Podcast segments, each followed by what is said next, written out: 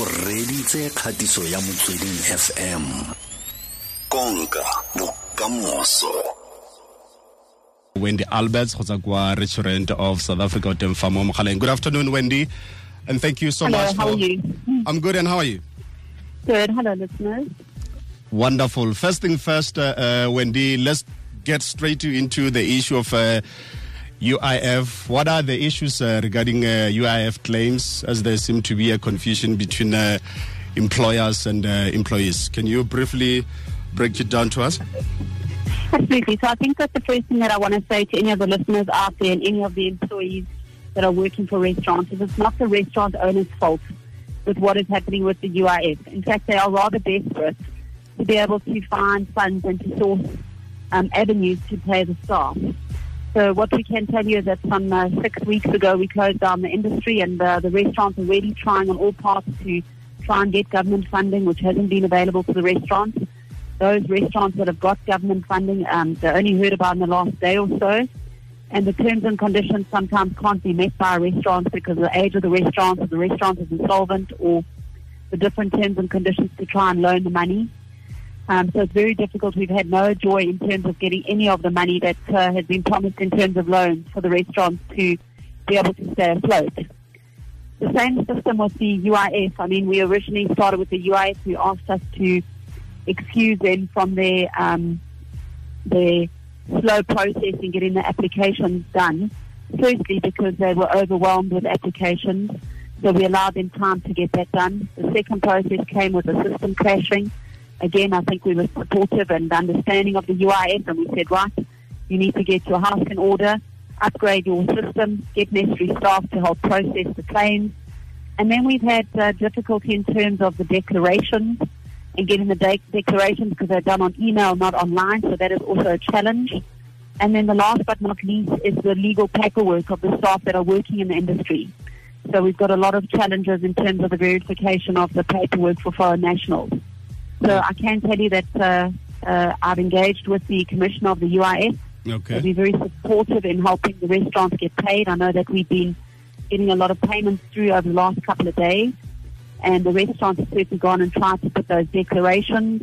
But the UIF system still cannot cope with the amount of applications that they've got. So even when we do go and we update, the system crashes and it goes offline. So we've seen a lot of technical hindrance, which I'm sure is both frustrating for the UIF as it is for us. But the bigger concern that we've got, and we're appealing to government now and saying, we've got 80% of our staff that are unemployed, that have not been paid, that are suffering. And we mm. sincerely need support. The, the staff, you know, they're beautiful people. They've worked in our restaurants. We acknowledge that they're part of our industry. But the restaurant industry is the one one business that has not received relief, grants, or support from mm. anybody. Not from the landlords, not from liquor licenses, not from SAMRO, not from SAMCO, not from any any organization that's come along and, and has supported us and saying, you know what, we're here to help save the restaurant industry. Mm. So we're fighting very hard to be able to get the restaurants open.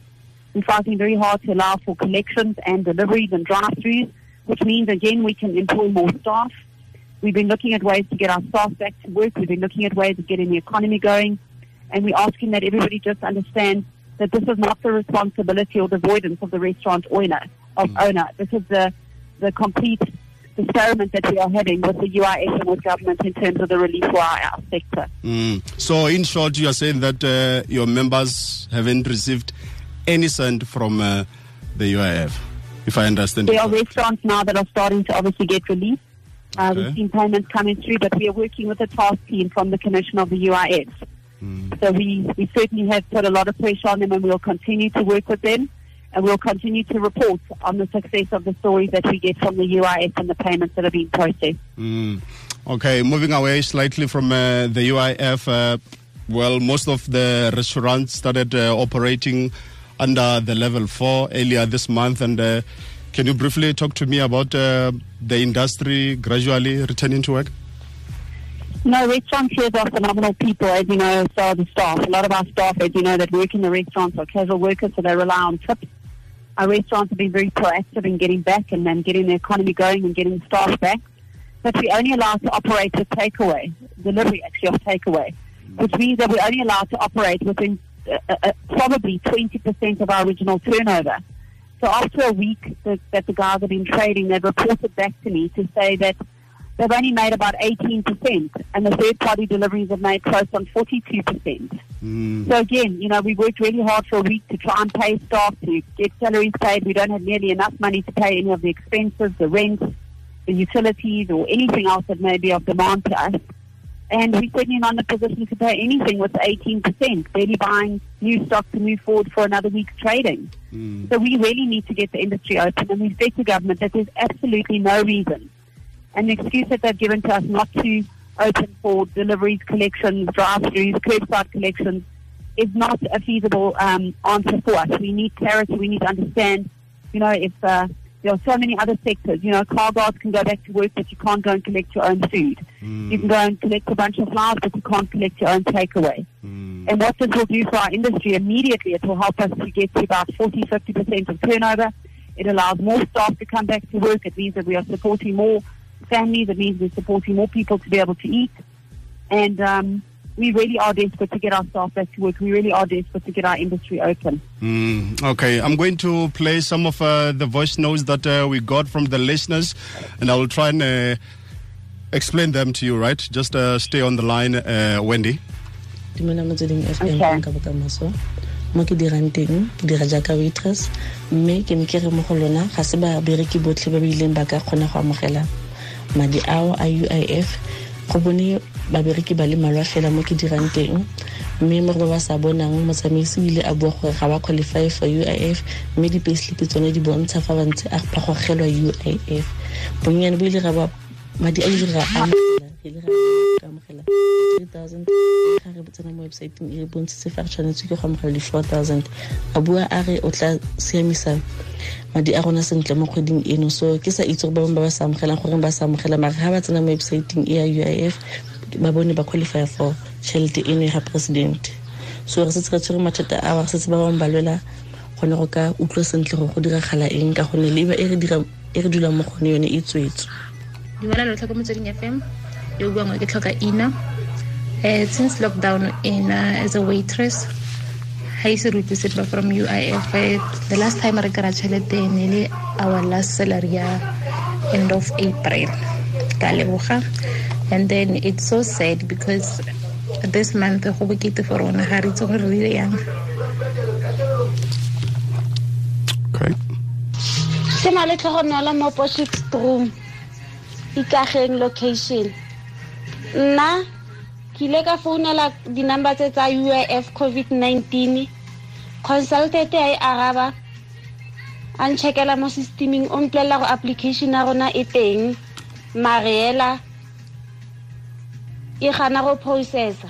So ke founele lekgwa la rona ke mo botse gore mathata keng ga ke founela lekgwa la rona lekgwa la rona le mpolelela gore ene since from the start a ntse a applya for rona basebetsi ba gage e gana ntse e mosokodisa so le ene a itse gana dikarabo le ene. So rona re dutse ela ebile ke two months no yana re sena tšhelete re sena mogolo.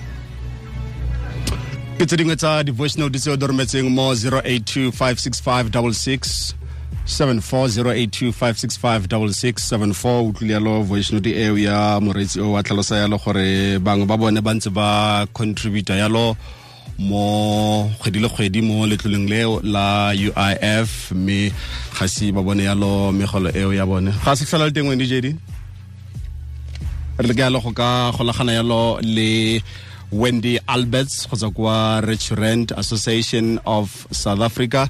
A re bole yalo ka tse dingwe tsa dikgwetlho tse ba lebaganeng le tsona. Segolo thata jang ka uif utlwile yalo gore ga se ba bone yalo thuso go tswa teng ko kwa uif mme ba tsweletse yalo go ka buisana le bone tsatsi le letsatsi. Mme bontsi jwa di-waitress le di-waiter bangwe ba bone ke di-bread winner kwa malapeng a bone. So yaanong go thata. Kgotsa ke tse yalo ba le babedi fela di-waiter kgotsa o le waiter kgotsa o ka tswa o le waitress ntshware ka mogala ka bonako gone yaanong mo 089 089 mme lephata leo la di-restaurante bangwe ba maaforika borwa ba bakgala yalo ka gore ba hira yalo ba tswa kwa. Mme eh ka ntlha gore ba ba duela yalo madi a kwa tlase o utlwile le tona titombo weni mo malobeng a tlhalosa yalo gore ba santse ba tlile go tswelela ka dipuisano le bone ba ba restaurant association of south africa go bua le bone gore ba thape yalo ma-aforika borwa mo e ke kgatiso ya motsweding fm konka bokamoso